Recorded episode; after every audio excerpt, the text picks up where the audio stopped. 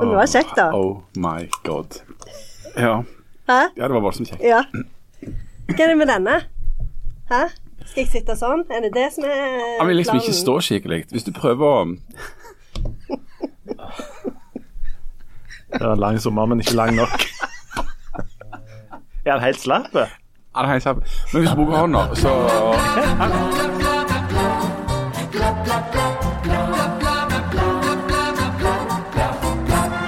Endelig er ferien slutt. Her sitter vi konkursulykkelige og med falmende brunfarge mens koronatallene stiger, rentene stiger og vannstanden i kraftmagasinene synker. Ja, ja. Trøsten er at vi ikke er Harald Birkevold, som har bare fått nok av det hele, forskansa seg i Suldal med gevær og hermetikk eller forskjellig.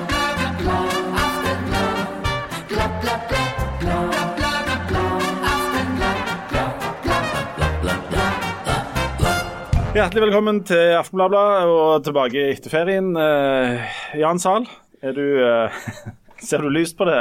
eh, Altså, Det var noe å ta voldsomt hardt i. Nei, men nå går vi jo mot mørkere tider. Nå er sola snudd, det skal bli kaldere og Dyrere? dyrere, ja. Jeg vet ikke om det kan bli dyrere enn det jeg har opplevd i sommer. Det kan jeg komme tilbake til. Men eh, nei, altså etter en stund med ferie så tror jeg at annet jeg har godt av å komme meg på jobb. Ja. Hva tenker du Hva tenker du den analysen, Janne? Det er det dummeste Ja. noen Godt gang av å komme tilbake på jobb, Jan. Hva mener du med det? Altså, jeg, jeg eh, ja, det, han, altså, For det første, hvis jeg har hatt ferie lenge nok, men det handler jo om at du må jo ha lang nok ferie, så, så merker jeg at jeg blir gående og stange eh, som en litt sånn olm stut inni en sånn binge. Og da, bør jeg på en måte få eh, komme i gang med et eller annet, eh, få gjort noe litt. Altså, jeg jeg blir, blir klar sånn for det sjøl. Og så blir jeg altså, jeg blir lei av å ikke gjøre noe. Jeg hater jo å gjøre sånn eh, praktisk arbeid som alle holder på med i ferien, da, av en eller annen bisarr grunn. Sånn trefelling eller snekring eller bygging av dass eller et av Nei, hvis, altså, hvis du er belemra med ei hytte, altså et sånn livsvarig praktisk prosjekt, det kan jeg kan jo ikke jeg fordra. Um, og så sitter jeg der, og så har vi eh, Det er et spesielt problem på vår hytte, det at vi har sånne møbler fra 50-tallet som betyr at de er så små at de passer eksempel veldig godt for, eh, for deg, Janne. Så det er enormt korte. Men, eh, men for Takk. ja.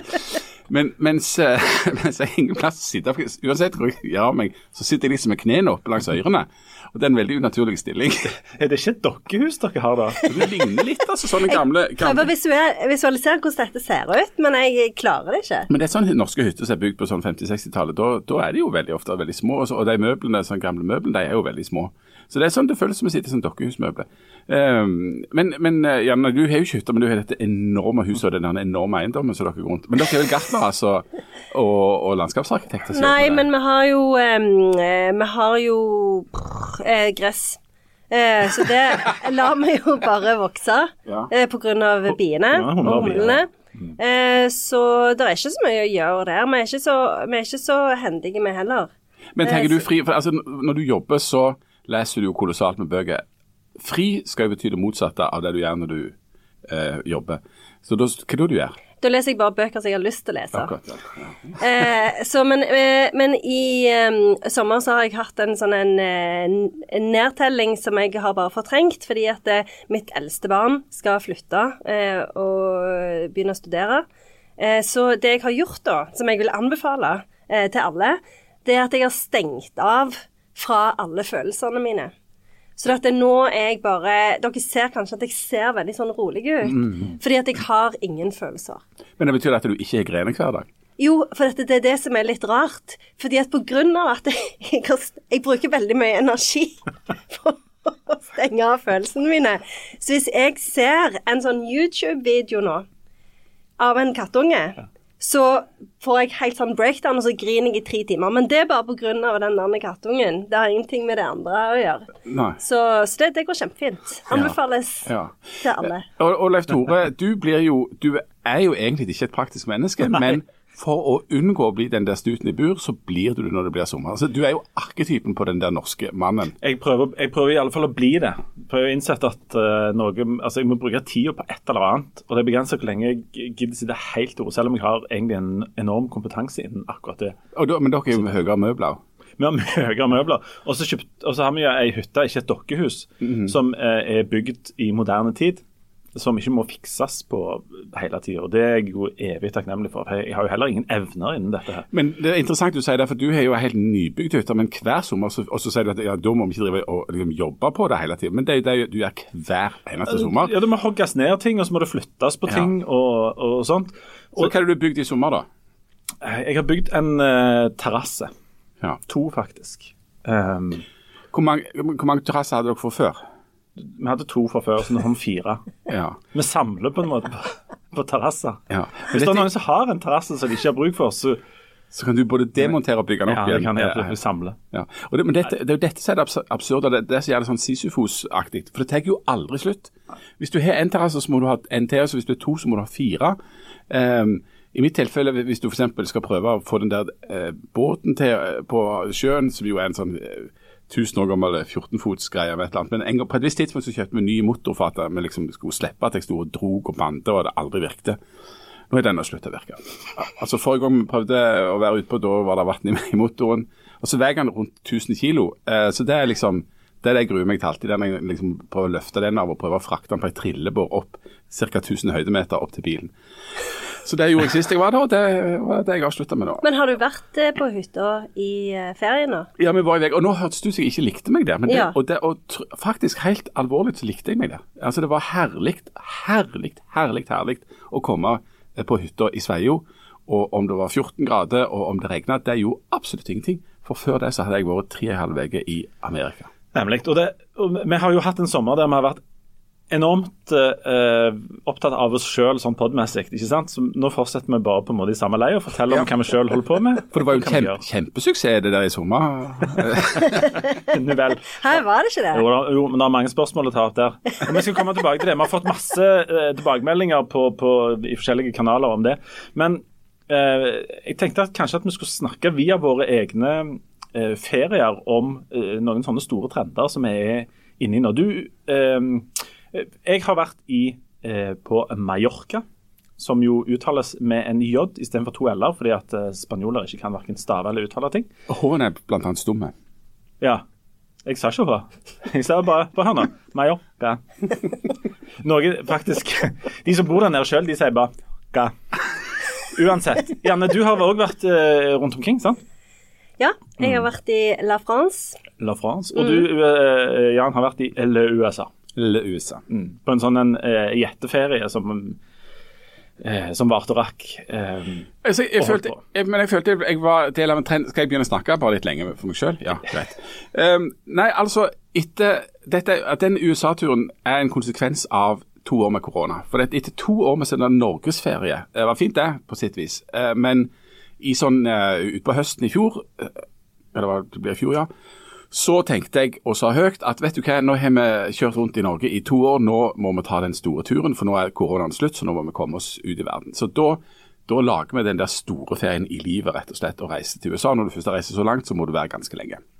Det virker jo som en kjempeidé, for det så ut som koronaen var eh, vekke, og at dette ikke var noe problem lenger, og så, alt så eh, mye lysere, lysere ut. Det som skjedde imellom at vi sa det og på en måte bestemte det, det var at det visste jeg at koronaen ikke var helt slutt. Um, det viste seg at det var en masse problem i økonomien etter korona som gjorde at inflasjonen gikk noe voldsomt opp, og så kom det en krig i Ukraina i tillegg. Det førte bl.a. til at flyprisene steg med rundt sånn 40% Inflasjonen har sett noen slags nye rekorder. Eh, Krona har ramla, dollaren har falt. Men nordmenn har reist ut, og euroen har jo økt noe voldsomt. Sånn at det å reise på ferie utenlands, og ikke bare kjøre rundt i Norge, det har jo blitt kolossalt mye dyrere i år pga. store trender. Og vi, vi traff jo da USA på sånn peak dollarkurs. Forrige gang jeg var i USA, så kosta en dollar 5,60. Nå koster den 10,30 ca. Eh, peak eh, bensinpris. Eh, aldri vært så dyrt før eh, noen gang for en gallon der borte. Eh, peak inflasjon. Altså en, en helt sånn eventyrlig pris. Men men, eh, men det har ikke forhindra nord nordmenn ifra, å reise. Så når vi kom på hytta etterpå, så var det nesten ingen folk der. Det hadde de måttet stenge ned kiosken ei uke og to før det de pleier. For det var ingen folk som var, var der lenger. Så nordmenn har reist i hopetall ut i verden. Og må ha betalt det hvite ut av og Har sikkert hatt det. For den store sånn megatrenden der ute, hvis vi samler sammen litt sånn eh, ymse diverse herfra og derfra, er jo alt er blitt veldig dyrt. Um, Og så, kan gjerne, Jeg tror det er sånn fair å nevne at vi som sitter her, vi har eh, gode jobber og god lønn. Ikke minst Janne. Ja, men Så i staten. ja. Anbefales. Nei, men vi, vi har vi, vi, på en måte litt sånn fornem nød for, for vår del. Men um, ting er blitt veldig mye dyrere. Um, jeg fikk litt sjokk når jeg var nede på Hva? Eh, for der òg var ting blitt dyrere. Og der sa de som var da innfødte i Hva?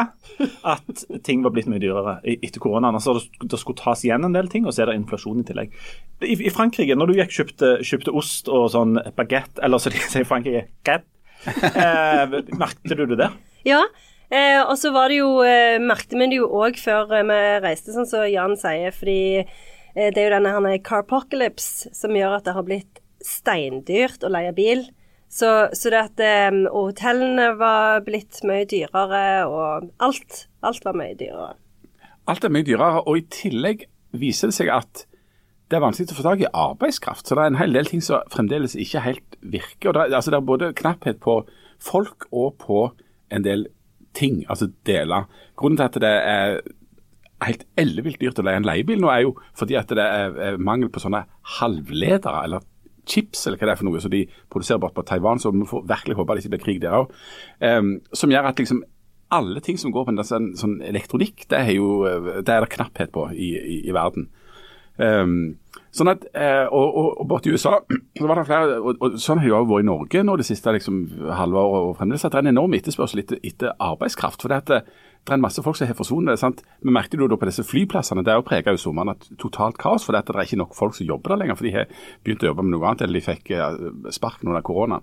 Så, så følelsen av at korona var vekke, og at nå skulle alt være topp stemning, den eh, er ikke helt der ennå. I, I Norge i sommer så har de jo ikke hatt korona i, sånn, i praksis. Um, nede der som jeg var, jeg, alle mine referanser handler jo selvfølgelig om vår tur til Hva? Uh, der måtte du ha munnbind eh, på buss og i eh, taxier. I taxier var det spurte vi taxisjåføren, og noen mente at kårene ikke fantes. Ergo trengte vi det ikke, mens andre var sånn superstrenge og måtte ha det på. Um, fantes det kårene i Frankrike? Det som vi oppdaget før vi dro, var jo at eh, Frankrike var et av tre land i Europa hvor du måtte ha en sånn antigentest. Og da fikk jo jeg et lite sånn meltdown, for det er ikke så veldig lett å få tatt en sånn antigentest i Norge eh, i dag. Og pluss eh, prisen på antigentester har økt med ca. sånn 400 fordi, Alt er så dyrt! så, så eh, vi tok, eh, tok eh, fordi at det, eh, de eh, Hva det heter. Sprøytene, eh, Sprøytene. eh, Vaksinene gjelder jo ikke lenger. Så at du må jo ta test nå. Så koronaen fins ikke, men han fins likevel. Eh, vi måtte ha antigentest-sertifikat, og jeg trengte ikke vise det en Nei, nei. eneste plass. Eh, og, og så sto det jo på um, regjeringen.no at eh, i Frankrike bruker de fremdeles munnbind og er litt strenge på det, men det var de ikke. Det var ingen, alle hadde bare glemt at korona fantes. USA avskaffet kravet om en antigentest som ikke måtte være eldre enn 24 timer ei uke før vi reiste bort. Eh, Men de krevde eh, full dokumentasjon på at du var eh, vaksinert. Så vi reiste med sånn europeisk vaksinepass og måtte vise det når vi skulle sjekke inn på flyet, eller ja, når vi skulle sjekke inn på flyplassen. Når vi skulle tilbake igjen, så skulle vi fly via Canada. Altså vi skulle ha to timer i Canada på ei mellomlanding. Og jeg har aldri opplevd maken til styr. Altså For det første måtte vi nå ha eh, masker på oss på flyet, på alle fly som skulle innom eller reise fra Canada. Men i tillegg måtte du ha en dokumentasjon av, eh, av tester. Altså, eh, vi, vi måtte fylle inn altså skjema om dato for testing, eh, type test. Det var helt andre testkrav eh, til unger. Altså, vår datter på 15 år måtte egentlig være fullvaksinert for å komme seg inn. Eh, det var sånn random testing du kunne bli utsatt, utsatt for. og nå, altså Selv etter vi kom hjem, jeg var kjempenervøs, for jeg måtte, jeg hadde jo ikke alt dette, så jeg måtte fylle ut litt i Ikke helt sannferdig på alt for i det hele tatt å klare å komme meg hjem igjen. Eh, og, og, og Det førte til at jeg ble, ble oppringt av Canada i ettertid. Sånn at, og hadde, Altså hadde- selveste Canada? Selveste Canada. De ringte, Canada ringte og sa hallo, det er Canada. de? De, de riktig sa at eh, de hadde fått e-post om eh, når det var en halvtime til flyet vårt skulle gå fra Toronto, om at sønnen vår på ti var nå plukket ut eh, til random testing, og den måtte skje på et sånt, et sånt kontor innen 24 timer. Ellers så kunne det bli både bot og fengsel og ditt og datt. Ja, Hva, hva sa? Canada når du sa at du uh, We're at the Storhaug? Ja, ja, altså For det første, på den eh, flyplassen i Canada så sa vi ingenting til tiåringen som eh, en hang til nervøsitet. Eh, om, eh, så vi overlot det til oss voksne å være nervøse for om de stoppet oss en eller annen plass. Vi, vi satte oss på flyet. Jeg sa vet du hva, Canada, når vi, når vi er kommet oss til Norge, så kan så de sveier, så kan Canada gjøre akkurat hva de vil. Um, og så ringte de jo Canada, så forklarte de at vet du hva, Canada, vi var, vi var faktisk bare i Canada i, i to timer på en flyplass. Så vi har ikke vært smitta noen når vi er vaksinerte, og det, det står riktig godt til.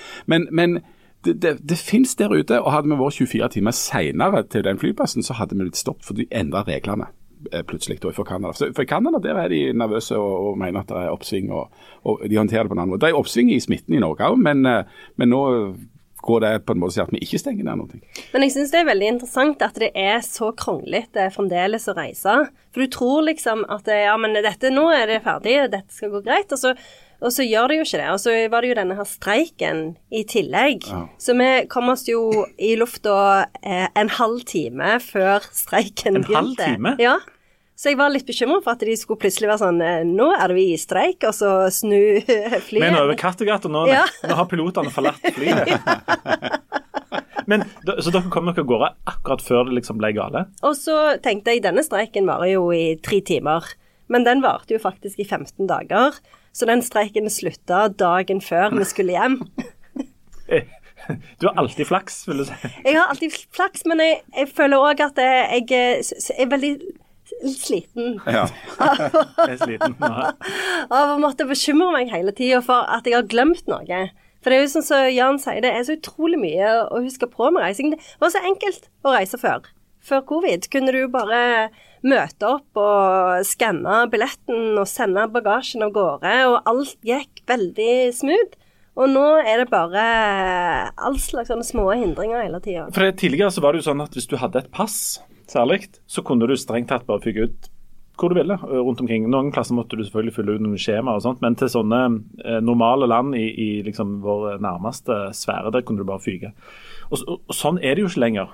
Og så er det individuelle regler. altså Det er noen regler Du Jans, reiste USA, Canada og sånt. altså Et par meter så skifter jo disse reglene. Det er et mareritt. Det er et mareritt. Og, og sånn blir det jo nå da utover høsten. Altså, De forventer jo en stigning i koronaen uh, utover høsten.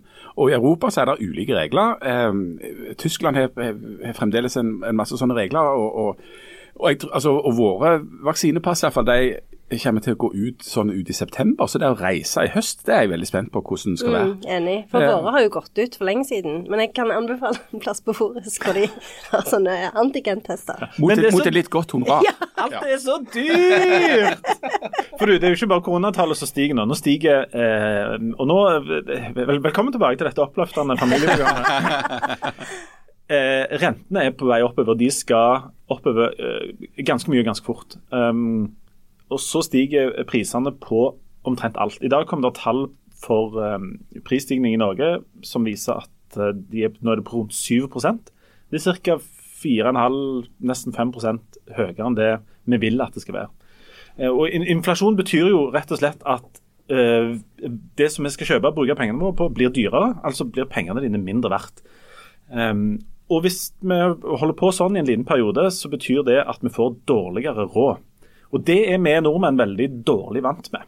De siste 20 åra har vi fått stort sett i praksis mer lønn sånn på Jabna hvert eneste år. Så vi har altså blitt litt og litt rikere hvert år. Nå får vi antageligvis et sånn et år der vi blir litt fattigere. Og det virker det som om vi har litt problemer med å takle. For vi er jo blitt sånn Qatar eller sånt, der vi forventer eh, at alt skal vokse inn i himmelen. Det- Både vi som er vanlige folk og liksom, næringslivet i Norge trenger nå støtte. Under koronaen så var det sånn at hvis du tapte ei krone, så burde, burde du få ei 50 i støtte. sant? For, for å kompensere for dette, fordi at regjeringen var mer eller mindre ansvarlig for korona, tror jeg. Um, og Sånn holder vi på nå òg. Um, hvordan skal vi forholde oss til at vi får mindre penger? Har dere noen gode forslag til det? Ja, rope på staten og kommunen. Ja, for jeg, jeg har jo noen konkrete sparetips, da. Som er, som er for eksempel Dette er, det er høst, høstlige spalter. jammen sparetips. Fordi at det var en sånn TV-serie som vi hadde tenkt å se. Men så var den på Paramount Plus. Sparetips med Ludvig den 14. Nei, det var, det var stygt sagt. Unnskyld. Kom igjen. Ja, den var på Paramount Plus. Og det er jo en kanal som vi ikke hadde abonnement på fra før av. Og så tenkte jeg ja, det er jo kanskje ikke tid for å ta opp et nytt TV-abonnement, for vi hadde allerede sagt opp Amazon Prime, fordi jeg syns kanskje vi hadde litt mange. Og så, eh, men så har vi tatt opp eh, et gratisabonnement på Paramount Plus i syv dager. Og faktisk huska å si det opp, for vanligvis ville vi jo latt dette abonnementet bare gå og gå over mange år. Men nå har vi sagt det opp, så nå har vi syv, syv eh, dager med gratis Paramount Plus, og det et, et godt sparetips som jeg anbefaler. Da sparer du altså 69 kroner, mens strømregningen din blir på 8000. Pluss at hvis du skal se Premier League, så koster jo det nå 640 kroner i måneden, og det er jo helt sinnssykt. et konkret eh, sånn sparetips er jo ikke være interessert i ting. Ja. Det kan jeg anbefale. Spesielt fotball, for eksempel, Der er jeg voldsomt uinteressert. Det sparer jeg voldsomt mye penger på. Slipper å reise på fotballturer, slipper å abonnere på all denne driten. Nei, men, det, men det er et godt spørsmål. Hvordan i all verden skal du altså, For det første, har vi behov for å spare Til det du sa, Leif Tore. Det virker jo som vi tror at, eller tenker at det er en naturlov at vi skal bli rikere hvert år. Altså at det er en helt naturlig ting. Um, og så er det nok ikke det. Og det er nok forklaringen på ganske mange politiske problem, uh, både i, i det ene og det andre landet. Jeg har jo tidligere snakket om den spanske sosiologen Posé, som, uh, som, som, som Men snakket og det er ikke grovt. Nei, det er ikke Det det. faktisk. Nei, det er ikke det, og det er ikke noe H der heller. Uh, men, men som, Det kan jo være en H, vent, det kan jo være en H der, men Ja. du ville aldri hørt den. men som har snakket om at, at du ofte får framvekst av en del sånne eh, altså høyrebevegelser, eh, type Lega Nord i, i Italia, og men også på en måte Trump i eh, USA.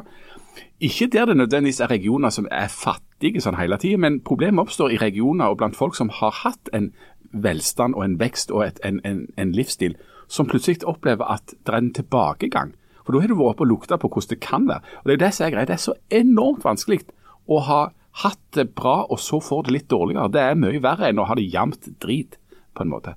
Så, så, så vi må vi jobbe litt med hodet vårt eh, i, i denne perioden her. Og så er det jo sånn, for eksempel Nå går jo matprisene voldsomt opp. Og Det er jo, det er jo drit, det. Eh, for å bruke et eh, Erling Barth Haaland-uttrykk. Eh, men vi bruker jo omtrent ingenting av, av eh, inntekten vår på mat. Altså Mat er relativt sett for nordmenn billig, fordi at vi tjener så himla godt. Og vi tjener jo greit godt. Og de, de fleste har jo, altså har jo eh, god økonomi. Det er noen veldig få som ikke har det. Um, eller, vil sikkert folk si ja, altså definere få eller mange og sånt, men, men, men jevnt over er jo på en måte velferdsnivået da i, i, i Norge veldig høyt. Og så er det jo masse sikkerhetsnett, det er jo masse ordninger. Og diskusjonen i Norge er jo bl.a. når det gjelder strøm og når det gjelder økende priser, i hvor stor grad skal en da dempe, eller staten komme inn og det offentlige ta ansvar for ting som blir dyrere.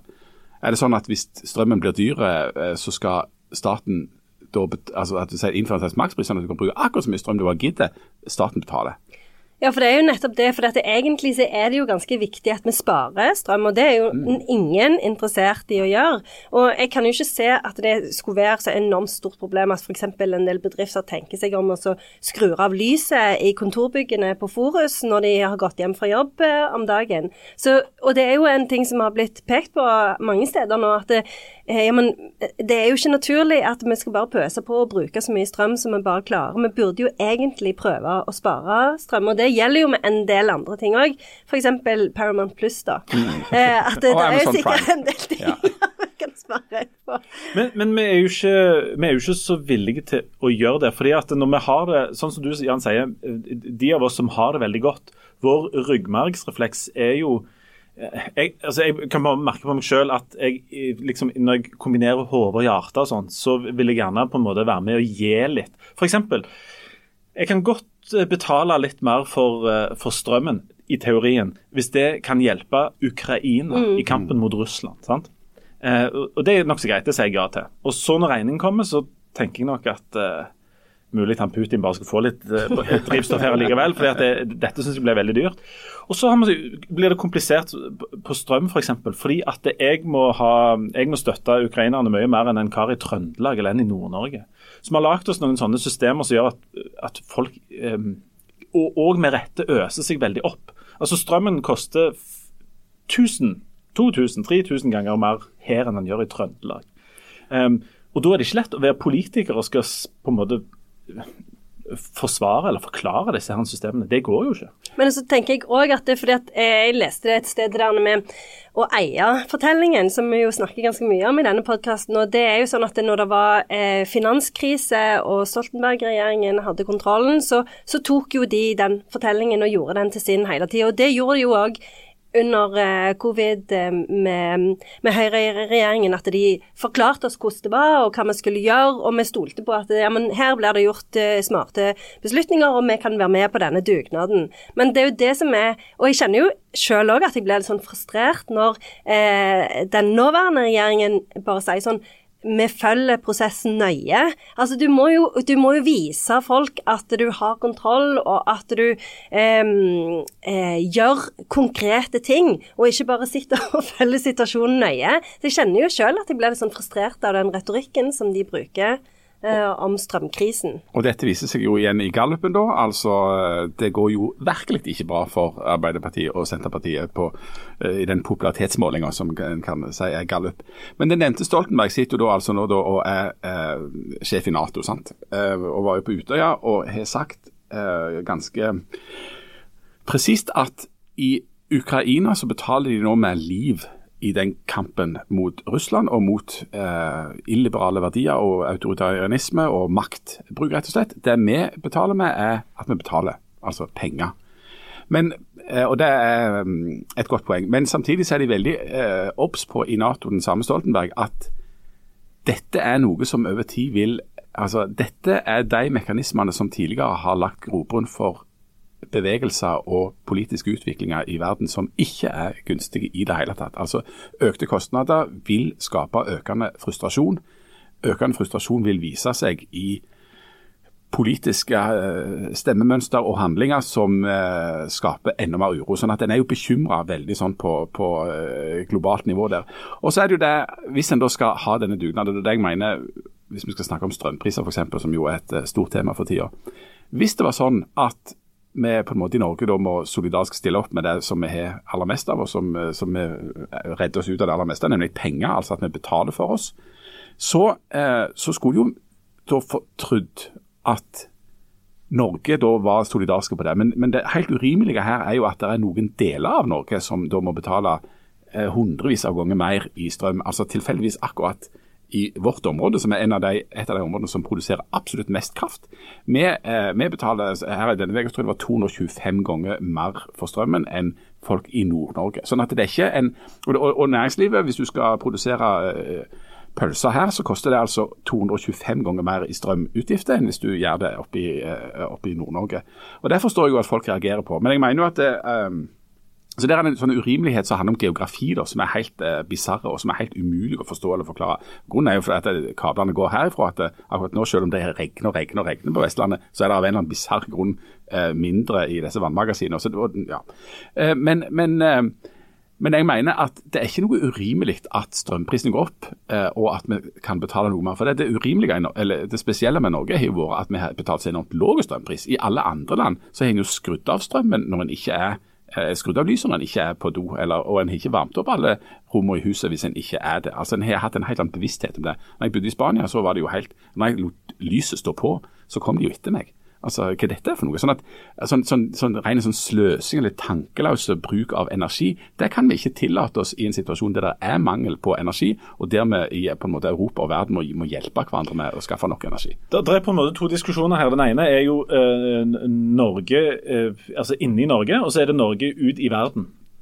I Norge har det jo vært et slags eh, prinsipp nesten fra alle politiske partier at det skal bety lite hvor du bor i Norge. altså du skal ha du skal ha det samme eh, så godt det lar seg gjøre. Et slags likt tilbud i, i Finnmark og Trøndelag og i, i, Mandal og Kongsvinger og sånt. Og den, eh, Det at strøm, som ikke er som på en måte er et, eh, et Det er jo et fellesgode i Norge. sant? Altså Vi har tilgang på strøm. At det er så, så enormt skjevt fordelt. At folk reagerer på det, er jo det er jo forståelig. Og Der må vel politikerne på et eller annet tidspunkt gjøre et eller annet. Fordi at vi blir sittende og skyte på hverandre sånn over fylkesgrensen omtrent. Um, og så er det nok en, en, verre oppgave for de, tror ikke det, å, å, å, forsvare at det er sånn, enn at Norge må være en del av uh, verden. Tror du ikke flere kan akseptere det, enn at det er forskjell, stor forskjell på Møre og Romsdal og, og Agder. Ja, altså Norge har jo lagd en masse avtaler med utlandet og knytta seg til eh, liksom, eh, kraftmarkedet og strømmarkedet ute i Europa. Eh, og Det kan en ikke flykte helt ifra. Så det, men det, og det, det sier at Dette er ikke noe lett å løse i hele tatt, for det er noe avtaleverk. og det er noe, og det er noe med at Hvis, hvis den enormt rike staten oppe i nord der stikker av i det øyeblikket det blir behov for dem altså, Men nå, nå, nå sørger vi for enormt, enorme mengder med gass til Europa, eh, som har stort behov for det. Og vi bidrar da med eh, med strømeksport i en situasjon der vi har veldig altså vi har mangel på, på strøm selv allikevel. Og så er jo det noe av det herlig paradoksale her at dette er jo noe det har vært tverrpolitiske støtte om det systemet som gjør at vi i dag sitter her vi er. Altså alle partier utenom Rødt, som jo ikke har vært på Stortinget eh, på den tida, har jo stilt seg bak dette regimet som vi sitter med nå, og som gjør at de sitter med hendene bonde og føttene bonde og alt i hop. Men, men det andre paradoksale er jo at alle disse pengene som kommer inn av at energiprisene er blitt så enormt høye, det går jo til det offentlige for en stor del. Altså Det er jo staten som tjener dette, det, og, og, det, og, det, er kommuner. og det, så, så, altså, så, Krafta er jo offentlig eid for en stor del. sant? Og som jo ender opp i et av de aller deiligste paradoksene som mange økonomer nå påpeker, nemlig at staten har masse penger. Folk vil gjerne ha litt mer penger. Og Hvis staten bare pøser ut disse pengene til folk, så løser vi ikke problemet. Altså, Vi løser ingen problemer. Det, altså, det, kommer til å føre til at ting fortsetter dyrt. Vi bruker for mye, og at inflasjonen fortsetter å stige. Så eh, til alle som driver med politikk og sånt inne i Oslo, lykke til med det. Vi tar en kjapp liten pause, og så skal vi komme tilbake med eh, bl.a. med spekulasjoner om hvorfor Harald eh, Birkvold har forlatt eh, samfunnet.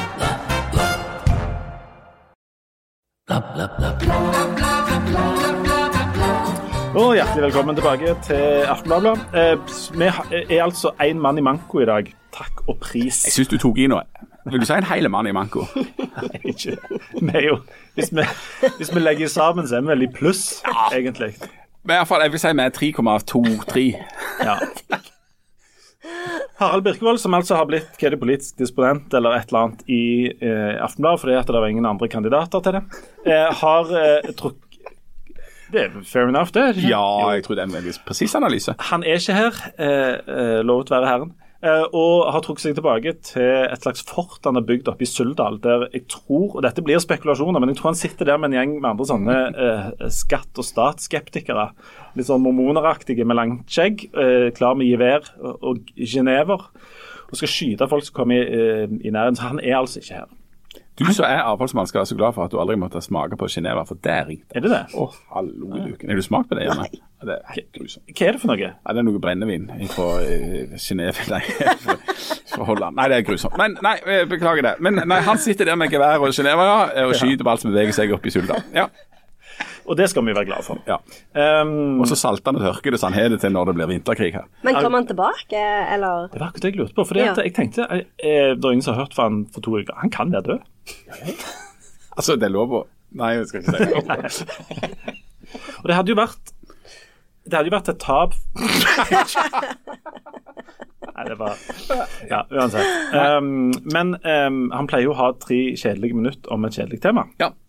Så i dag vurderer vi jo fortløpende om vi bare skal ha tre minutter stillhet og nyte av det. Men vi får, uh, vi får se hvor langt vi kommer. Dette er litt sånn alt blir dyrere uh, spesial. Og Vi har jo en uh, tendens til å kikke ut vinduet og tro at verden er sånn, og så ser vi på vårt eget liv og tror at livet er sånn. Og Vi skal være forsiktige med å bruke oss selv som eksempel på altfor alt for mye. Vi har ikke noen Nei, skal vi Det er ikke noen andre her. Ja. Nei, sant. Altså. Men det, det, og Harald er jo ikke. Nei, sant. Nei, Han kan være skåten av en av sine medsammensvorne oppe i, i Suldalstraktene. Kanskje de trodde han var svensk? Ja, ja. Og Hvis noen ser Harald, ikke si at vi ikke, ikke gjør noe. Hold han ved. Kanskje de trodde han var en orhan eller, eller en småvilt eller noe sånt. Han har jo så mange sånne, sånne barnetegninger på armene. Ja. at de kan jo ha ja, han kan, Hvis han holder opp armen, så kan jo folk tro han er en tiur, at de skyter han bare det. Ja, ja, ja. Who's to blame them? Uansett. Du, det som jeg lurte på, var når, når ting blir dyrere, så er det jo mange måter å reagere på det. Um, F.eks. å bruke mindre penger, altså spare og Mange av oss har jo faktisk anledning til å liksom skru igjen liksom livreima. Den andre uh, metoden jeg vil gjerne det er min metode, tror jeg. Det er å lukke øynene og håpe på en måte at ting, går seg til. og, og, og. Hvordan reagerer dere når ting blir dyrere? For første gang på det veldig lenge så synes jeg jeg ser det eksempel når du går og handler mat. At det som tidligere kosta 800 kroner, koster nå 960. Så ser du at det blir dyrere. Har, har dere noen sånn måte å reagere på sånne ting på? Jeg har jo allerede sagt det med Paramount Plus. Ja, Nå føler jeg ikke at du følger med når jeg kommer med tips og vink. Men det, det er jo òg en engangsbesparelse. er det Ja, det? men så kan du jo eh, Du kan jo kjøpe litt billigere vin, eksempel. Det er jo et godt tips. Men folk skal spise kake. Er det er rett før du nå sier at folk skal spise kake. sant? Eller lage kaka sjøl, heller enn Ja, å ja, kjøpe den på kanelsnurren, for Ja, ja, ja, ja. Mhm. Det er òg et tips. Nei, men, eh, Ja, men altså Litt sånn sjølberging. Det jeg eh, gjør eksempel er at jeg, eh, jeg, setter meg ned i de der enormt lave møblene på hytta, og så går kona ut og feller tre og lager ved. Og hvor, hvor sparer du Ja, for du Og så til brensel? Ja, brensel, ja. Og, og det er jo tomt i eh, altså det er et voldsomt forbruk av det. så for, Folk ruster seg til vinteren med ved. Det gjør vi òg, altså, ved hjelp av hun som kan praktisk arbeid. Så hun hogg eh, tre og ved og lager sånn som det der. Og så, nei, men jeg, jeg, jeg, eh, men jeg vet ikke om det skiller meg fra i fjor for jeg, eller året før. Jeg, eh, altså, jeg, jeg er litt sånn eh, 50-tallsfyr som mener at vi ikke skal eh, ha, ha det 25 grader varmt i huset 24 timer i døgnet når det er eh, minus tre grader ute. Så jeg er voldsom på å lukke dører. Der er der har vi en eh, kamp eh, i heimen med å lære opp ungdommen at vi, vi lukker dørene og vi varmer opp måte, rom sånn litt smart, rett og slett. Og at vi skrur av lyset etter oss. Og så har vi når vi liksom overtok det huset som er, så, så, så isolerte vi noe voldsomt. Det er jo noe av det de snakker om i dag. Men altså, sånn, altså enkle enøktiltak, det burde jo folk eh, tenke på å, drive på med, rett og slett. Det er mange som, mange som driver og, og, med sånn solceller og installerer det nå. Jeg tror foreldrene mine skal få solceller på huset sitt. Det er jo sånn enøk i det små. Men jeg hørte på radioen så sa de at ja, de, de fleste gjør sånne ting, og liksom alle har jo sånn termostat på dusjen og på, syns jeg de sa, vaskemaskinen. Og så tenkte jeg sånn, hæ, går det an? Kan det stemme? Begynner å vaske underbuksa med 17 grader. Ja. Men, men, men proble problemet er jo at det er vanskelig å se noe resultat Ja, av det. det. Spesielt når prisene går opp hele tiden. Så du får mer og mer sånne eventyrlige regninger. Pluss du har jo elbil, så du bruker jo en del eh, Men eh, nå har de jo begynt å gi sånn, sånn tips òg på radioen um, om når det er billigst. Mm. Så hver dag så er det jo sånn strømvarsel. Eh, så i dag er strømmen billigst, men ja, mellom 11 og 4. Eh, og så er han på topp klokka åtte, f.eks. Så det har jeg begynt å, å høre er det et eget program? Er det sånn dung, dung, dung? Nei, ja, det Her er strømvarselet. Strømmen i dag billigst fra 12.25 til 13.48. Hardangervidda øst, billigst mellom 14 og 15. I Trøndelag Lofoten, Ofoten og Vesterålen, kjempebillig hele døgnet, bare kjør på. fisk, fiskebankene utenpå. Men det er jo Haltbanken. Ja, Saltenbanken, Dritdyrt. Skandiabanken. Det er faktisk en god idé å ha sånn. Ja, ja, ja. Sånn. Og i og med at det er spesielt siden det er regionalt, sånn at det er akkurat som varsel om fiske og, og sånt, og værvarsling, for dette er helt ulikt ulike plasser i, landet. ja, så jeg setter pris på det. For da er det noe jeg kan forholde meg til. Her er strømvarselet for Jæren. Skru av! Skru av nå! Ja, fordi at eh, jeg, de har, jeg har jo òg hørt at de har en sånn en plan om hva de skal skru av først. Eh, og ne nederst på den planen eh, var jo at eh, du mister strømmen et par timer. Men det er jo på planen. Ja. Så eh, hva skal du gjøre med alt det viltkjøttet i, fryseboksen? La de, la de spise kake. ja, la de spise kake. Men, Hva, men, men, men, hva skal vi gjøre med viltkjøtt i fryseboksen? ja. men det viser seg jo at folk bruker jo ikke mindre verken strøm eller bensin, selv om prisene har gått opp. Nei. Og kan det der med at vi, det er litt vanskelig for oss å bruke mindre strøm, kan det ha en sammenheng med at staten tar 90% av regningen, over 70 øre, men allikevel. Det var noen måneder der vi ikke hadde sånn strømstøtte, der du merka at strømregningen ble sånn Hæ, her må det være en feil. Vi er jo ikke i den situasjonen lenger. Og, og disse tingene henger jo sammen. Altså, hvis noen gir deg en hel haug med penger, så har du en tendens til å bruke en hel haug med penger. Og, og vi får jo ikke strømbruken ned med at folk får sponsa strømregningen sin. Nei, vi gjør så ikke. Og det, og og det er det som er greia. Altså at strømbruken må jo ned, energibruken må ned. Eh, Og Det er en, en vel så viktig på en måte, faktor for meg eh, i at vi ikke skal varme opp masse rom eh, til 25 grader 24 timer i døgnet. Altså, altså, Jeg er imot sløsing. Altså, Jeg er en grunn til å sløse med, med energi. Eh, og den regningen, altså igjen Fordi vi er eh, privilegerte folk med gode jobber, så skal jeg klare å betale det om det blir noen hundre eller noen, eh, noe dyrere. da. Men, men eh, men det er jo da å, på en måte være mer sånn målrett, Altså om det er noen som har eh, noen spesielle behov eller noen spesielle, en spesiell økonomi som at de trenger en spesiell eh, oppfølging. Da. Men, men, folk som, som har råd altså eh, ja, Dette er å bidra til litt sammen. og Litt det samme er det med, denne, med næringslivet. altså for at, Nå er det sånn at nå får privatpersoner støtte, og så får landbruk støtte. Tilfeldigvis så har har vi et landbruksvennlig parti i regjering, mens næringslivet altså ikke får støtte. Uh, og Nå er det mange store kapitalister der ute i næringslivet som sier nå må vi få uh, støtte. Men det, jeg forstår jo at det er ikke bare enkelt. For det første så går store deler av norsk næringsliv så det suser. Og, uh, og, og, kapitalister i næringslivet det er sånn at de, det, altså det er sånn markedet de, de tjener jo jevnt over penger, eller hvis de ikke tjener penger, så går de på en måte konk. Men de er liksom prisgitt det, og det er der de jobber innenfor det markedet der. Og Da er det sånn at, at det er noen liksom dilemma hvis staten skal komme og redde dem hvis det går dårlig. Og så er det jo skal staten redde all slags form for virksomhet, fordi at nå har utgiftene blitt høyere. Eh, altså skal, skal, en sette inn en voldsom strømstøtte og f.eks. ha makspris og gjøre det kjempebillig å bruke strøm hvis en f.eks. utvinner kryptovaluta, som, da, som, er noe av det mest eh, energikrevende som finnes. Um, og, så, og, så, er det jo mye fint med kapitalismen, men det som er 100 sikkert, er at hvis disse eh, som driver i næringslivet og, og blir superrike, hvis de får støtte nå når det går imot, så kan vi vel være 100 sikre på at de ikke kommer og foreslår at de skal betale mer når det går bra. Når det går bra. Ja. For sånn fungerer jo ikke systemet gjør det. Du, du, elsker jo kapitalismen, ja, ja. Men, det, men, det, er jo ikke sånn. Nei, det er jo ikke sånn. sant? Og, og, og det er nettopp det der med at eh, hvis det går voldsomt bra, så foreslår, foreslår de jo ikke å betale inn ekstra, men, men eh, hvis det går dårlig, så skal en liksom begynne å rope på staten og det offentlige, som en vanligvis er skeptiske til at skal gripe for mye inn i det. Og Jeg, jeg eh, elsker jo kapitalismen, men jeg kan vel innrømme at jeg er aldri så vaklende i trua som når jeg har vært f.eks. i kapitalismens høyborg, Amerika. uh, hvordan, var det? hvordan står det til med den jevne amerikaneren? Ja, altså, jeg, jeg det, det, altså, det, var enormt kjekt og, og fascinerende og, og, og, bra å være borte i Amerika. og Anbefaler alle å reise der, hvis de, spesielt hvis de har god råd. Uh, var det billig? Altså, det, det, er helt, det er helt eventyrlig dyrt i Amerika. Ditt budsjett på 700 kroner dagen, røyk det eller holdt det? Oh, det røyk altså så kapital.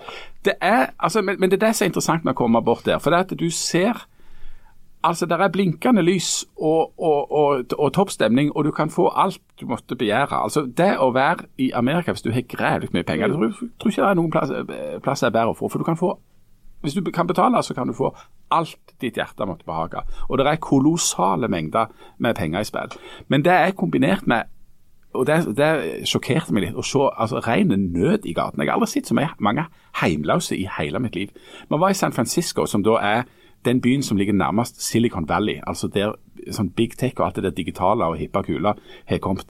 Det at Big Tech har kommet og flytta inn der, og Facebook og Google og alt det der greiene der, det har jo gjort at prisene har utvikla seg på en måte som gjør at vanlige folk ikke har sjans i San Francisco. Hvis du er sykepleier i San Francisco, og det, var jo det jeg lurte på, det er så enormt mange som jobber i sånn serviceyrke i, i, borti Amerika. På sånn Starbucks, der kaffen er jo mye dyrere enn en på Starbucksen her. altså Det blir sånn 60-70 kroner for en kaffekopp eh, med noe melk i. Men, men det, er ikke, det ikke løsende for vanlige folk. og San Francisco kombinerer da med å være ultrarikt med å ha nå 8000 heimløse som reker rundt i gatene. Eh, og, og liksom, sånn, liksom, Union Square, som er liksom det sentrale området, det, det, er tjukt i folk som går rundt i fille og, ser, og, og er skitne og helt ute. Og du lurer på er det, er det liksom fattigdommen som er tatt i, er det, er det psykiatri? For det, var, det, er mange som helt åpenbart er psykotiske som bare virrer rundt i gatene der. Eh, eller er det en kombinasjon av rus, rus og psykiatri? Eller, altså, Hva er dette her for noe? Eh, det er noen økninger på en måte i kriminalitet der borte som er helt elleville. Og, og, alt dette får det, og, og uans, overalt der vi var, så var det da altså uh, skilt om at we're hiring. Uh, uh, liksom Helt needed. Enorm etterspørsel etter folk for å jobbe. Så det er et eller annet sånn, en eller annen sånn ubalanse der, noe helt sånn feil. Så får jeg til å sette voldsom pris på at det i Norge og, og er et slags kompromiss mellom da kapitalismen og eh, sosialismen. altså At det det kapitalistiske virkemidler er at vi kan selge strømmen vår kjempedyrt og gassen vår kjempedyrt og oljen vår kjempedyrt, men så er det en aktiv stat som er inne i altså refordeling av, av, av, disse godene og trekker inn skatt, og som sørger for levelige forhold for folk som arbeider, og et sikkerhetsnett for de som faller igjennom. For det er jo det du ser borti USA, at det er jo ikke det. Nei, og, og det, noe av problemet med USA er jo at det, det, er ikke bare kapitalisme, men det er jo denne her nyliberalismen som gjør at du har bare Alt er bare privatisert, sånn som du sier. Staten har ikke noe sånn Tar ikke vare på, på menneskene. Og så er det jo òg det der med Eh, den amerikanske drømmen, som jo er en del av problemet. fordi Der legger en jo vekt på at ok, men individet sjøl kan liksom bygge sin egen uh, vei til suksess og, og havne på toppen. Men, men, men, så er det jo sånn at det, i USA så har jo den altså Flipsiden av den fortellingen har jo blitt at det, hvis du ikke klarer det, hvis du ikke klarer deg, så er det din egen feil. Det er ingen andre sin feil, bare din egen. Og det er jo jeg, hørte nettopp en, en sånn podkast hvor, eh, hvor, de snakket om eh, depresjonen på 30-tallet, og om at det, eh, eh, det var en sånn endring i måten eh, avisene beskrev virkeligheten på. Da. For fram til det tidspunktet så hadde det vært sånn se liksom Og han mista alt det han hadde fordi banken liksom tok pengene og bla, bla, bla. Men plutselig så var det en endring hvor det var hvor skylda på Eh, økonomisk ruin ble lagt mer og mer på individet. At det var ens egen feil hvis en var så dum at en tapte alle pengene sine i børskrakket. Og det var da òg eh, språket eh, Nei, ordet 'loser' kom inn i det amerikanske yes. språket. Mm, og da får du liksom Du får en sånn en vridning, da. Men, men, men, men, akkurat det er enormt interessant, for der, der møter du på den der amerikanske mentaliteten. Og Der ser du da en kjempeforskjell mellom eh, hvis du treffer på noen folk borte i Amerika og du treffer på de her eh, i, i, Norge. For når, når, når, ting nå blir dyrere i Norge og ting går litt sånn eh, det er noe motbakke og sånt, så roper vi på det offentlige. Mm. Nå sier vi at nei, nå må systemet, nå må politikerne, nå må det offentlige, om det er liksom staten eller fylkeskommunen eller kommunen, de må komme inn og redde oss. Men hvis, hvis du snakker med amerikanere Dette gjelder ikke alle 350 millioner amerikanerne. Men, men du snakket ikke med riktig alle? Jeg, jeg snakket med alle, men jeg snakket med, med, noen. Og Noe av det bisarre med det er jo nettopp at den der amerikanske drømmen og det der egne ansvaret det ligger altså så rotfesta i de at de er eh, noen voldsomme optimister. Uh, jeg, jeg, møtte en kar på et vaskeri uh, der borte. Etter halve turen så måtte vi gå på vaskeri og vaske klærne våre. Og eh, et sånn vaskeri som driver med altså vasking da, av klær, da tenker jeg hvem er det som går der? Jo, det må jo enten være folk som enten ikke har råd til å kjøpe egen vaskemaskin, eller ikke prioriterer det, eller som syns at det er bare lettere å gå på et vaskeri. Eh, men det er grunn til å tro at det ikke er nødvendigvis de rikeste. Eh, der møter jeg på en kar. Eh, han eh, kom bort til oss og, og, og, hadde hørt at vi snakket et annet språk, og så spurte han om han kunne få gjette hvor vi var ifra. Ja, du måtte bare gjette på det, eh, sa vi. da tippet han England. Eh, så sa jeg at ja, nei, det, det er nærme, men ikke, ikke helt. Han, han ville gjette tre ganger. ja, Om han kunne få gjette tre ganger. Ja, det var greit. Ja. Vil han ha hint, eller vil han bare være helt fristilt? Nei, altså, han, for jeg tenkte jeg skulle begynne å hinte. For jeg sa at ja, det er nærme, men altså, du er i området ja, Nå skulle han gjette nummer to. Ja vel, greit, sa jeg. Da gjetta han eh, Skottland. Nei, nei, nei! Og så, eh, så, tenkte jeg at nå må jeg hjelpe han litt over, over Nordsjøen der. Så jeg prøvde å si ja, nei, men du må liksom nei, ja, nei. Eh, nå hadde han gjett nummer, nummer, tre. Eh, Irland. Så, nei, det var feil der. Og så, og så sa jeg men du kan få, jeg skal gi deg noe hint. Nei, nei. Nå hadde han, eh, han hadde spurt om å få gjette tre ganger, og nå hadde han brukt opp de tre ja. Eh, mulighetene, så nå, nå, skulle ikke han gjette mer på det. Og så sa jeg ja, men for noe. Det var han helt uinteressert i. Vise. Men, men, men eh, og så, så, var det liksom grenser for hvor langt den samtalen kunne gå. Så på et visst tidspunkt så, ferdig, ja, så gjorde jeg på en måte tabben, og så, og så spurte jeg han ja, men altså, du, bor, du bor her, du, og liksom, ja, Flagstaff, Arizona. Yes, here's my life story, sa han. Og så begynte han å fortelle. Men, men, og jeg skal ikke ta hele den, for det måtte vi jo flykte ifra da på et visst tidspunkt. Men, men dette var en kar på 43 år som det helt åpenbart ikke hadde gått så himla bra med i, i livet. Samtidig så sa han at Men det innrømte han ikke. Dette, dette, dette måtte jeg tolke de linjene. Eh, og det var, det var, ting ved han som tyder på at, at det, det, var ikke liksom prime suksess. Men han sa selv at han hadde aldri hatt en ulykkelig dag i hele sitt 43 år gamle liv, selv om det helt åpenbart hadde vært eh, dårlige dager der. Og Alt handler bare om å ha rette holdninger. Mm. At hvis du var positiv, og hvis du sto på, så gikk dette kjempebra. Og den der mannen der, et sånn enkeltindivid på et vaskeri i, i Arizona, oppsummerer veldig den der amerikanske holdningen. At de, ja, du må stå på, og, og, og hvis du ja, Så kan du gjøre noen feil, og så kan det gå dårlig, men det var egentlig eh, ja, det kunne litt sånn uflaks, men, men egentlig så er de veldig på at de er frie til å, å få dette til selv, og det er det de bør gjøre. Og de, stiller seg ikke opp og roper på staten. Og Det er jo noe, det noe beundringsverdig med det, og vi, vi, har sikkert, vi har jo ting å lære av eh, folk og holdninger i andre land. og sånt. Men er det ikke òg noe nå når, når, Norge nå opplever, sammen med resten av verden, egentlig en slags motvind eh, Hvis det skal være noe vits i å drive med politikk nå. Dette høres gjerne langt sånn ut på venstresida-aktig ut. Men hvis det skal være noe vits i å drive med politikk nå, så må det vel være for å F.eks. Med, med strøm, eh, eller alle, alle, disse tingene som blir dyrere. Må det ikke da være å hjelpe de som faktisk trenger hjelp, ikke bare de som har lyst på hjelp i Norge. Altså vi har, meg og Jan var på quiz i går, og så fikk vi spørsmålet hva er gjennomsnittlig inntekt for ei arbeidende dame i Norge. Um, og der, uh, altså en måned. Og folk skulle tippe. og Noen tippet 25 000, og noen tippet 26 000, 26 000 og 27 000. Gjennomsnittlig inntekt i Norge, husker du det, Jan? Ja, for ei, gjennomsnittlig inntekt for kvinner i Norge er 47 000 ja. i måneden. Som er uh, bruk, brukbart. det må sant? vi kunne ja. si. Før eller etter skatt? Det er før skatt. Det er, ja. ja. det er du som har etter skatt. det er ikke, uke, ikke, ikke ukeslønn. Er det meget, det? Er det det de setter inn? Er det det de setter i fond i, i, i uka? Nei, hør. Det er, det er, på en måte et, et normalt beløp. Det betyr òg at det er veldig veldig mange som tjener litt mindre enn dette, og mye mindre enn mm. dette. Og Når vi snakker om, om strømregning og sånt, og, og, vi kan sitte her og, og på en måte gjøre oss til litt og om, om, den strømregningen kommer på to og et halvt eller fem, så skal vi klare å betale de regningene. Men det er veldig mange i Norge som har store problemer med dette. Og Vi vet f.eks. For at foreldrene sin økonomi går hardt ut over eh, hva unger kan gjøre. Og Hvis det skal være noe vits i å, dele ut noe penger nå, så må vel vi finne et, en eller annen måte å gjøre det på til de som faktisk trenger det. Og ikke nødvendigvis dele ut penger til kryptofabrikker eller folk i den øvre middelklassen eh, og sånt. Eller er, er dette bare sånn gamle venstresiderør, og vi skal bare gi til alle? Nei, altså, det, Jeg er jo helt enig i at det bør være en slags uh, avveining der. Men problemet er da å gjøre det uh, rettferdig og likt. For Hvis du driver næringsvirksomhet, så driver du næringsvirksomhet. og Da blir det veldig rart at staten skal gå inn og si at ja, nei, du, altså, hvis du driver med kryptovaluta, så får du null kroner i støtte, mens hvis du driver bakeri, så får du uh, full støtte, f.eks.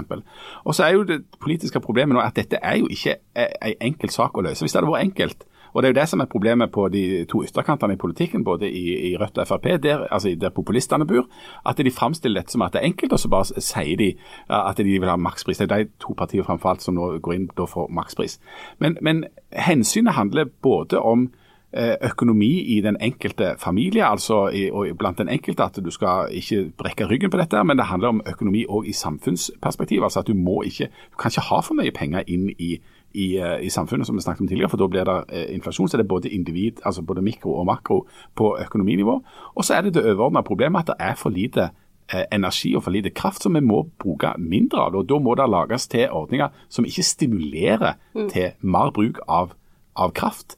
Altså skal det koste, det bør koste, selv for de med mindre penger, å bruke for mye eh, kraft. Sånn at, altså Hvis dette var enkelt, så hadde det vært greit, men det er jo ikke det. Vi hadde et interessant eh, tilfelle her i Stavanger, når kommunen plutselig gikk ut og sa at de kunne betale 40% av innkjøp av varmepumper. Um, opp til, altså de hadde, Men det var bare så så mye penger. Det forsvant sånn. Mm. Det kan jo være en måte å bruke penger på som uh, på en måte løser flere ting. Ja, altså, men altså, det er jo populært. Altså, folk, vil, folk, folk, vil jo, folk setter pris på å få ting gratis eller kjempebillig. eh, men du kan ikke løse alle problemer med å hive enda mer penger på det. Det er det som er noe av problemet. Eh, sånn at det er, det er akkurat det å finne balansegangen mellom hva du må kunne aksle som privatperson eller som enkeltbedrift, og hvor på en måte sikkerhetsnettet og støtteordningsnivået skal legges inn i for politisk hold. Og Det er jo det som gjør det så vanskelig nå å manøvrere for politikerne. For dette, de må være pedagogiske og de må, må liksom veie masse ulike hensyn der. De må til mest sannsynligvis tåle at noen bedrifter går konkurs og at det blir oppslag i media om det. Nei, vi er konkurs fordi at eh, strømregningen ble for høy. Og så er det et kjempeproblem til slutt for politikerne at politikk til slutt er en popularitetskonkurranse der folk skal stemme ved hvem de liker best. Og Der skal det bli interessant når vi da altså har ei Arbeiderparti-Senterparti-regjering, eh, at det skal være lokalvalg. Eh, og altså når det, skal, når det skal være det, hvordan vil f.eks. Eh, byene som nå har gjort sånn Arbeiderparti-opprør eller ordføreropprør mot sitt eget parti, altså i, i Stavanger og Kristiansand og i Rogaland og sånt. Eh, hvordan vil befolkninga eh, belønne eller straffe f.eks. de lokale eh, partiene der på, på, et eller annet tidspunkt? Ja, altså det skal vi komme voldsomt, komme voldsomt tilbake, ja. tilbake til, til, etter hvert. Um, Janne, er du glad ferien er over? Nei. Veldig raskt svar. Er du, er du god å ha ferie, eller ja, liker du? jeg er veldig god å ha ferie. Selv om jeg ikke bygger noen ting, så klarer jeg å, å ha det fint. Men, og, og, altså, og, Ferie er jo helt nødvendig. Det er jo en annen ting etter å ha vært i USA. De har jo ikke ferie. De arbeider jo hele tida. Og, og, det er jo en sånn, helt sånn misforstått arbeid. For det at eh, de arbeider og arbeider mange flere timer, mange flere dager enn oss. Men de er jo så ineffektive. Mm. Og det var så mye ineffektivt der. Så det er jo noe av det vi skal prise oss lykkelige for i Norge. at Vi betaler, nei, vi, vi, jobber jo relativt kort, men vi har en veldig eh, kunnskapsrik befolkning eh, som jobber veldig effektivt. Og det er noe sånn med på en måte likhet og ansvar og sånt på arbeidsplasser som gjør at, at arbeidslivet fungerer veldig godt hos oss. Som bl.a. innebærer at vi kan ha eh, fire-fem uker ferie eh, i året betalt og foreldrepermisjon. Altså, du ble veldig glad i Norge av å reise ja, til Las Vegas. Ja, det blir du faktisk. Og, eh, en av de tingene som jeg Jeg hadde jo mye tid å tenke når jeg var nede i Mallorca. Å oh, ja, det var det det het. Der er M-ene stum. Um, en av de tingene jeg tenkte på der, var dette. og det, det, forteller jo igjen at jeg har på en måte en, en god jobb med god lønn. Men jeg tenkte at uh, jeg syns det er litt rart at ikke flere i Norge kjemper for mer ferie. Altså istedenfor mer lønn. Uh, hvorfor, du Jan, jo, driver jo litt i fagforening og sånne ting. Er, er vi sånn at vi har nok ferie nå? Er det helt sånn uaktuelt å på en måte få mer ferie? Vi er jo ikke helt i verdenstoppen på ferie. Det finnes land som har mer enn oss, gjør det ikke? Det finnes land med seks uker normal ferie, ikke det? Sverige ja, jeg, noe Er det det? Ja, jeg, jeg, jeg kan ikke helt feriestatistikken. Nei, altså Det er jo en avveining det om det er tid eller penger du skal ha. Eh, folk viser seg å være ganske glad i penger. eh, også hvis du blir gående og, og spenne der og ikke, og ikke har lyst til å bygge enda flere terrasser eller uh, hogge flere tre, og sånt, så setter du pris på å komme tilbake. ja, det er sant, det. Ok, Vi dropper det med mer ferie. da. Jan, Jan vil ikke ha mer ferie. Og når den tillitsvalgte har bestemt det, ja. så argumenterer jeg for det, så, og så blir det sånn. Ja, jeg òg retter meg til det, selv om jeg ikke jobber i Aftenklær. Men du er jo en slags lærer, sant? Ja, men det er det som er så urettferdig, for vi har ikke lærerferie. Så du har vært i arbeid nå siden 25. juli? Eh, ja, jeg hadde Nei, jeg hadde ferie til 1. august. Ok. Mm. Har det skjedd noe nytt innen sånn engelsk forskning som du nei, kan gå løs på? ja, for du, du har un knallhard undervisning da helt til 1. august? Nei, nei, nei, jeg eh, har jo forska. Ja. ja, ja. Eh, kan vi nå si IS? nei. Du, Hva er det du forsker på akkurat nå? Nei, akkurat nå Så det er jo den mikrodystopien, da. Det er mikrodystopien, mm. ja. Mm -hmm. så, så, akkurat nå så er, er det jo Er det en bitte liten støvklut, eller hva er mikro... Jeg, jeg, jeg, jeg har jobba en del med eh, ferie, faktisk, som mikrodystopi. Eh, med utgangspunkt i TV-serien White Lotus. Som jo snakket, vi snakket en del om eh, for en stund tilbake. Dette er jo faktisk ganske interessant. Hva har du, funnet, hva har du kommet fram til? Nei, eh, det er jo eh, Det som er gøy med White Lotus, er jo at konflikten der er jo mellom de som faktisk har hjemmet sitt, altså ferieparadiset som hjemmet sitt, og de som kommer dit på besøk. Eh, fordi at eh, Dette er altså en TV-serie som handler om rike folk som kommer til et sånn avsidesliggende eh, luksushotell. sant? Ja, eh, og da er det jo eh, et problem eh, For, for mikrodystopi er jo eh, en slags sånn Det er ikke et sånn et, Dystopi er jo et sånn framtidssamfunn hvor alt har gått veldig galt, eh, og hvor alle har det bare helt forferdelig.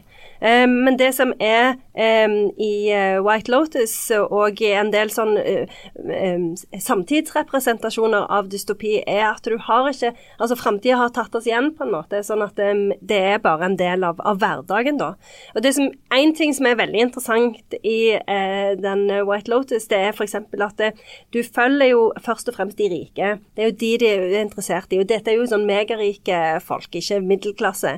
Eh, og, og, og du eh, får en eh, eh, eh, ta del i problemene deres, som jo ikke er egentlige problemer. For dette, når du er på ferie, så kan det jo føles som det er mye som står på spill, for du skal jo ha eh, leiebilen akkurat når du trenger den, eh, rommet skal være akkurat sånn som det så ut i annonsen. Så det er jo masse følelser som er i spill, men egentlig så betyr det jo ingenting. Det betyr jo ikke noe for livet ditt om det er litt skittent i badekaret, f.eks. Men akkurat der og da så kan du bli veldig aggressiv og veldig sint eh, av det. Jeg, må, jeg hørte en som sa en gang unnskyld, jeg måtte helt ut på terrassen for å se havutsikt. Ja. Og det kan jo skape en del. Og så er det jo, da er det jo en del konflikter da, mellom eh, forventningene til de som er på ferie, og disse herne, eh, som skal innfri alle disse eh, løftene da, de som jobber der. Og det er én ting som er veldig interessant, da, for at du ser jo på en måte glimt av hverdagslivene, altså de virkelige, ordentlige livene hvor ting har konsekvenser til disse som jobber på denne her øya. Men de er bare med så lenge de, de, de, livet deres krysser seg sammen med de rike. Så med en gang eh, de rike sin fortelling liksom divergerer eller går i en annen retning, så forsvinner de vanlige folka. De betyr ingenting. Vi er ikke interessert i historiene deres. Vi er bare interessert i de rike sine fortellinger.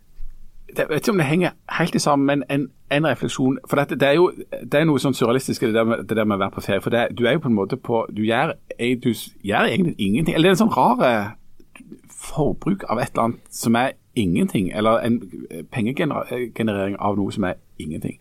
Og Hvis du har vært i Las Vegas, eller som oss da avslutta i misfornøyelsesparken Disneyland, så er det bisart å se den pengebruken og altså, ja, sant? Altså, Jeg blør penger i disse uh, plassene. Og ser du hva er det det er basert på? Det er basert på absolutt ingenting. Las Vegas er basert på at, at du legger en by midt i en ørken der du reiser inn og spiller på spilleautomater og, og, og rulett, og bare taper en masse penger. Du, altså, det er bare underholdning. Mens, mens uh, Disneyland er altså basert på uh, ei mus og så en, ei and som går rundt uten bukse. Det er, det er basisen for at millioner av folk reiser dit og bruker elleville mengder med penger på noe som er bare tull. Altså Det er bare vas, rett og slett. Du produserer jo ingenting, du lager ingenting. Det er ingenting nyttig med det, eller, eller noe du kan bruke til noe. Det er rent det er sånn tidsfordriv og pengefordriv. Ja, og så er det jo veldig interessant med disse stedene, da, som jo er ikke-steder. Ja, dette er ikke-steder, ja. ja, ja. Fordi at Don't go there. For det er én ting med hva? For det er jo ei øy. Eh, hvor eh, det finnes virkelige liv. Eh, så dette det er jo ikke bare en eneste stor eh, resort. Men et sånt resorthotell som de har på White Lotus, eller Las Vegas, eller Disneyland, da, det er jo ikke steder. For det er jo bare Du går inn, og så vet du jo hva du Du har en forventning om hva som vil skje der. Og da må det skje akkurat det som du forventer. Så det kan ikke skje noen vanlige ting der inne. Det skjer bare liksom akkurat det som du forventer skal skje inni den der bobla. Og det er jo ikke et blivende sted. Eh, men det er jo et sånn et sted som du skal besøke, og så skal du oppleve akkurat det du forventer, og så skal du gå ut igjen. Og, og Poenget med stedet er forbruk. Ja. I Las Vegas var det jo 44 grader, sånn at du kunne ikke, du kunne ikke være ute, men du var inne. Men inne har de laget til svære maskiner. Og da snakker jeg både om det der enarma bandittene, men også hele sånne shoppingsystem. Der det simulerer at det f.eks. er dag. Altså der, der er malt himmel i taket på shoppingsenteret. Der du gikk i ring, sånn at det var umulig å finne veien ut. for dette. Du, jeg liksom, Hvordan kommer vi oss ut av dette? Eh, så du er fanga inn i en sånn maskin der eneste poenget er at du skal forbruke på ting som du sannsynligvis ikke trenger, eller eh, opplevelser som er helt meningsløse, egentlig. Og så er det jo ikke vindu, sånn, så du skal Nei, ikke sant. vite om Nei. det er natt eller dag. Og det er jo en, egentlig en referanse til lotusspiserne i Odysseen. For der er det jo På øya til lotusspiserne så kommer du jo, og så spiser du disse her lotusbladene, og da glemmer du alt annet fra ditt eget liv. Du vil bare være der og spise disse lotusbladene, for du klarer ikke å huske hvem du er, eller hvor du kommer fra, eller hva du egentlig skal gjøre med livet ditt. For du, du blir så fanga av denne her fantasien, da. Eh, som, som jo er virkeligheten både på, for lotusspiserne og på kasino i Las Vegas. Når vi først har åpna filosofiene her, det eneste som er helt sikkert her, det er at det kommer en hel haug med folk hjem fra disse plassene og gå rett inn i en sånn mikrodepresjon. Fordi at eh, uansett hvor litt sånn meningsløst det var der du var, så kommer du hjem, og så lengter du tilbake til et, en annen drøm du hadde om hvordan dette skulle være, og så kommer du hjem, og så kikker du rundt deg på en måte i i, i huset ditt så heng, der ting henger, lukter gammelt, og, og, og plenen er overgrodd og sånt. Og så blir du litt sånn deprimert etter at du har vært og brukt meningsløst mye penger på ting som kanskje ikke er så mye mening i. På en sånn caps med plass til to sånn brus. ja, to sånne det brus på toppen. Du Ja. får, du, det er veldig mange som får sånn ferieblues når du kommer hjem igjen.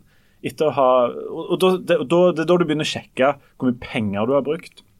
Begynner å tenke etter ja, var det egentlig verdt det. Uh, hadde vi det så kjekt som vi burde vi ikke hatt det enda kjekkere og sånt? Og så har du kanskje litt sånn klimaangst fordi at du har kjøpt masse sånn Ja. vannflasker hele tida. Og så har du litt dårlig samvittighet for at du, du, på en måte har vært nede og, og spredd om deg med og vært, vært rik overfor noen fattige. Og du har tatt en sånn hestedrosje med en fyr som egentlig ikke så ut som han Han burde egentlig fått mer for den tur. Altså, Men Universal Studios, det kan jeg anbefale. Det er jo en misfornøyelsespark. og det, det var helt spektakulært. Det skal de ha, disse amerikanerne. at Mye av det de leverer er jo da helt ellevilt. Altså Di- Disneyland òg, og Las Vegas. altså Det er jo, det er jo top of the pops, da. Eh, Men Universal Studios, Harry Potter-land i Universal Studios Holy macaroni. Eh, de bygde en landsby eh, som ser ut som en sånn vinterlandsby. Så rundt i 30 plussgrader så er det snø på taket, og, og, og du står i noen uendelige køer, men så får du en ride der du flyr rundt i lufta med Harry Potter på en sopelime. Jeg, har jeg har aldri opplevd maken i hele mitt liv. Sånn at eh, jeg er egentlig jeg har vært så deprimert jeg etter denne ferien. Jeg var, var, var så glad at det var i tillegg herlig å være ei uke i, i, i 14 pluss i, i Sveio. Eh, Det er jo en grunn til at brød og sirkus har vært populært i alle de år. Du skal jo ikke undervurdere det heller. nei. nei, og, og på, på en måte er jo det der litt sånn meningsløse at det er noe av det kjekkeste du kan gjøre. Um, til og med å bare ligge altså du, du, du kan bruke ganske mange tusen på å reise til en plass der det er ti grader, der du bare vet hva slags vær det skal være, og tenke at dette har vært hver krone. Det er sant. Enestående. Noe Når vi var nede på? Så eh, kom du ut, og så kikket du opp og sa ja, fint vær i dag òg. Og det er verdt mye penger, det. Ja, det er vært veldig Ja, ja, ja. Det er jo sånn at uh, det, alle, Mange ser fram til høsten, men de bor jo ikke på Vestlandet. Nei, men vi hadde jo fire sommerdager i juli, og det skal jo ikke kimse av det heller. Nei. Nei, nei. Og allikevel er strømmen dyret. Ja. La meg si det sånn, her skal det en ny regjering på plass. Det er jeg 100 sikker på. Um, Harald, noe innspill? Nei. Hvis noen ser Harald, bare la han være i fred. Fordi at uh, jeg syns dette egentlig var Har det kommet noen spørsmål til helsespalten? dag- Helte, helsespalten. Heltespalten. Det har, eh, du, vi har fått, eh, vi har fått mange, eh, mange sånne innspill og tilbakemeldinger i løpet av sommeren, og vi syns det er veldig kjekt. Vi skal prøve liksom å komme inn på noen av de temaene som folk eh, foreslår utover høsten. Det har kommet et ganske konkret et til Jannes helsespalte, som nå blir Jannes helse- og sparespalte. Og heltespalte. og heltespalte. Så vi avslutter med eh, dette, og dette er et konkret tips. Det, det handler om dette med leamus, som jo ble et tema. Det er fakta sto mot fiksjon. Her har vi fått et innspill fra eh, Anna. Um, og eh, hun skriver pga. at veldig få klær passet etter ferien, påla jeg meg selv en ketodiett Oh, ja. uten sukker, mel og alkohol. Etter to uker var leamus helt borte. Oi. Hæ? Oi. Ja. Så kanskje dette er mening, altså måten å bli kvitt leamus på. Bare slutte å spise ting. Ja.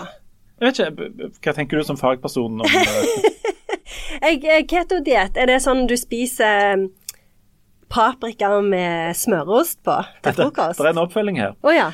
Hun skriver Det er sånn sett også altså Lermus er vekke. Det er også det meste av kos og meningen med livet. Ja ja. Så det gjelder å avslutte den dietten før- Ja. Som heller har lermus, da. Det er så dirrende øyne, men i hvert fall se lyst på ting. Ja, nei, eh, jeg eh, har jo merka at eh, jeg har hatt litt sånn dirrende øyne sjøl. Men det er jo mest av at jeg har stengt av alle følelsene. Ja, ja. Så, så um, Med kattevideoer. Ja. så jeg vil anbefale å ikke kutte ut noen av de tingene. En, en dag jeg eh, kom jeg opp ifra det denne minimøblene og, og gikk en tur, så eh, kom jeg forbi en hest, da. Eh, Sveio. Eh, for øvrig så er Yosemite det ligner bare som en, en, ser bare ut som en enorm versjon av Sveio. så du, du trenger ikke reise til Yosemite, du kan bare reise til Sveio. Men eh, der sto det en hest. Og så legger jeg merke til det, så jeg har sett mange ganger med hester, at det, det er akkurat en sånn rykning i musklene bak på sånn eh, hasen eller eh, lår eller sånn som dette, eller langs flanken der. Er det lermus? Ja, for av og til så får jeg òg lermus i leggen, merker jeg. At det kan Ja. komme sånn, sånn som den hesten. Ja. Så, eh, så det, det er faktisk en form for lermus, ja. Ja, og da har vi for alltid begravd teorien din, den opprinnelige, om at lermus skyldes dårlige skylling av øynene. ja. Ja. Eh, øynene er jo eh, vinduet til sjelen, som alle vet. Så jeg er ganske sikker på at hvis du renser litt med saltvann i øynene, så, så forplanter jo den effekten seg nedover i kroppen. Sant? Det er jo ikke avgrensa system, dette her. Noen- Alt henger jo sammen med alt, for å sitere Gro Harlem Ja, og Brundtland. det må noen fortelle den hesten. Ja. Det er lenge siden vi burde ha slutta. Lenge, lenge siden. Nå, nå gjør vi oss. Uh, vi er tilbake neste uke. Da uh, skal noen av oss ned eh, og, og mm, svinge oss på Demokratiets dansegolf i Arendal. Du slipper det, Janne. Jeg skal ha eh, åpningsuke på universitetet. Men vi vurderer å ringe deg Ja. bare for å få noen kommentarer på telefon. Eh, du som holder liksom eh, hjemmefronten. Eh, så tror jeg vi skal takke for oss, og så er vi tilbake om ei uke. Eh, dessverre med Harald, hvis den mot formodning kommer ned igjen fra isolatet. Ja, Hvis vi skal være i Arendal, vet vi hvor og når? For hvis det er noe som er der, så kunne du kommet og sett på. Ja, eh, eh, Det burde vi selvfølgelig visst, men eh, Vi prøver å legge det ut på Ja, Instagram. skal, og ta gjerne direkte kontakt med oss og, og spør hvis du er nøye i traktene der, så skal vi, skal vi nok ha en seanse der det går an å, um, å være med. Um, takk for nå. Ser dere fram til neste ferie? Den er vel lenge, det, Det er så lenge til. jeg kan si neste ferie nå, det er sånn jul. Ja. Og da jul er jo ikke ferie. Nei. Nei, det er ikke det. Det er bare arbeid. Ja. Takk for sommeren. ja. Ja ja. Nå blir det mørkere og dyrere. Dere får lykke til. Snakkes om ei uke. Ha det. det. Det Ja. det er mye galt å si om Harald. Si det sånn. Punktum. Da var det veldig fint å se dere igjen. Martin. Ja, sant. Jeg forstår godt at du savner oss.